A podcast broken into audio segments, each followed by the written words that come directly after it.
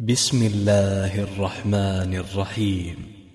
يا أيها الذين آمنوا لا تتخذوا عدوي وعدوكم أولياء تلقون إليهم بالمودة وقد كفروا بما جاءكم من الحق. يخرجون الرسول وإياكم أن تؤمنوا بالله ربكم إن كنتم خرجتم جهادا في سبيلي وابتغاء مرضاتي. تسرون إليهم بالمودة وأنا أعلم بما أخفيتم وما أعلنتم. ومن يفعله منكم فقد ضل سواء السبيل.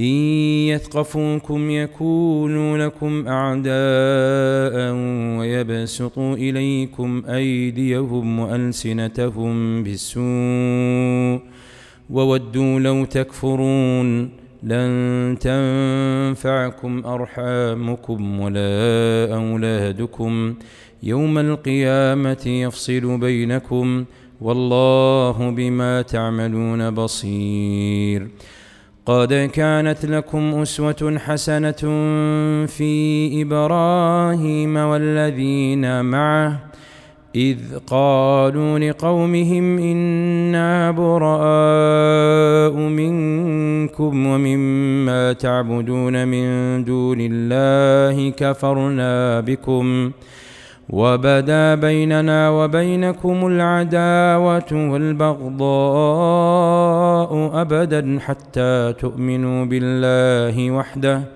إلا قول إبراهيم لأبيه لأستغفرن لك وما أملك لك من الله من شيء. ربنا عليك توكلنا وإليك أنبانا وإليك المصير. ربنا لا تجعلنا فتنة للذين كفروا واغفر لنا. ربنا إنك أنت العزيز الحكيم. لقد كان لكم فيهم أسوة حسنة لمن كان يرجو الله واليوم الآخر ومن يتول فإن الله هو الغني الحميد. عسى الله أن يجعل بينكم وبين الذين عاديتم منهم مودة. والله قدير والله غفور رحيم.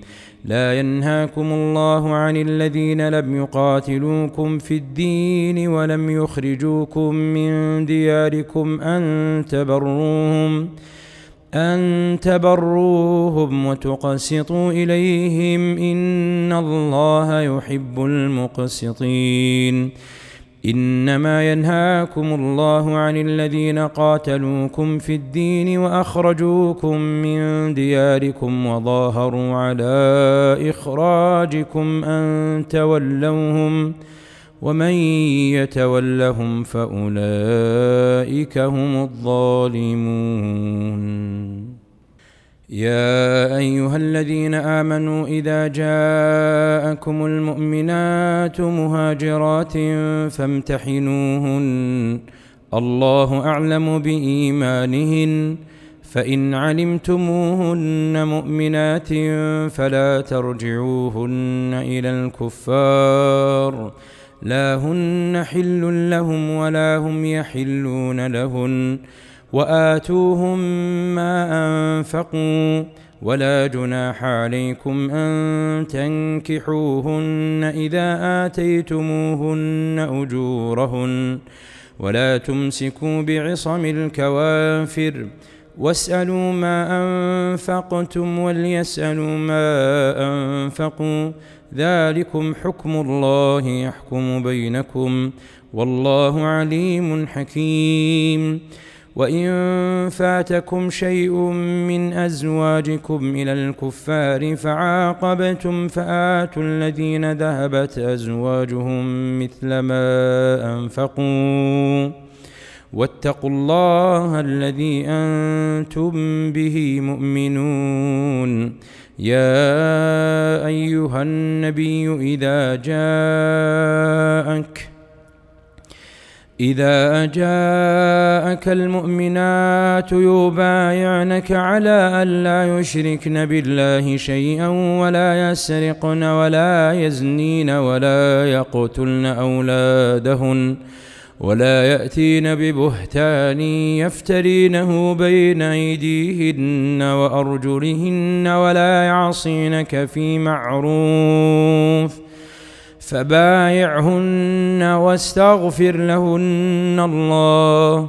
إن الله غفور رحيم. يا أيها الذين آمنوا لا تتولوا قوما غضب الله عليهم. قد يئسوا من الاخره كما يئس الكفار من أصحاب القبور.